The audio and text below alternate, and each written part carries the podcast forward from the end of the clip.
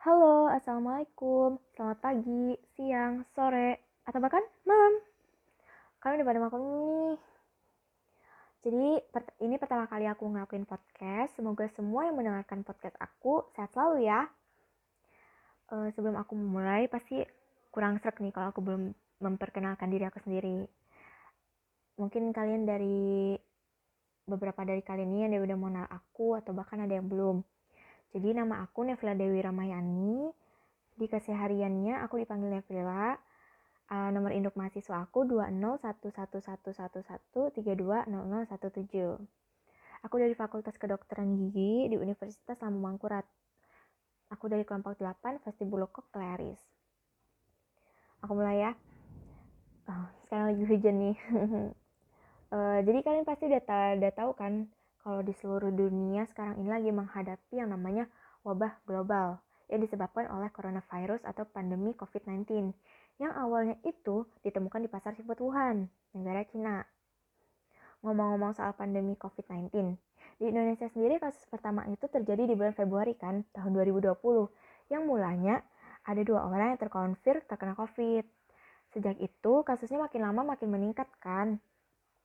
Nah, Salah satu dampak dari pandemi COVID-19 ini, hampir seluruh sektor kehidupan, mau nggak mau, harus menyesuaikan diri. Kayak misalnya contoh sektor pendidikan. Mayoritas pertama, pertama kali itu kan tatap muka.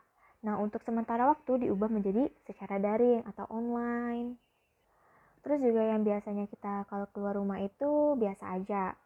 Nah, untuk sekarang pasti kayak lebih waspada kan, kayak berhati-hati dengan orang sekitar Hmm, untuk itu aku di sini um, ingin memberitahukan kalian yang mendengarkan podcast aku ini untuk lebih bagaimana cara memanfaatkan waktunya agar lebih produktif.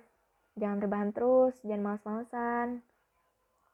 Jadi ada beberapa kegiatan yang bisa kalian lakuin kok. Misalnya kayak mengikuti seminar secara online. Itu kan juga kalian bisa menambah wawasan tuh. Atau meningkatkan kualitas ibadah. Perlu banget buat menambahkan pahala. Terus atau juga berolahraga secara teratur. Misalnya kayak jogging, senam. Itu kalian kan gak harus keluar rumah kan. Ada tuh sebuah aplikasi yang bisa kalian cari dengan keyword workout berapa menit. Sesuai kebutuhan kalian aja.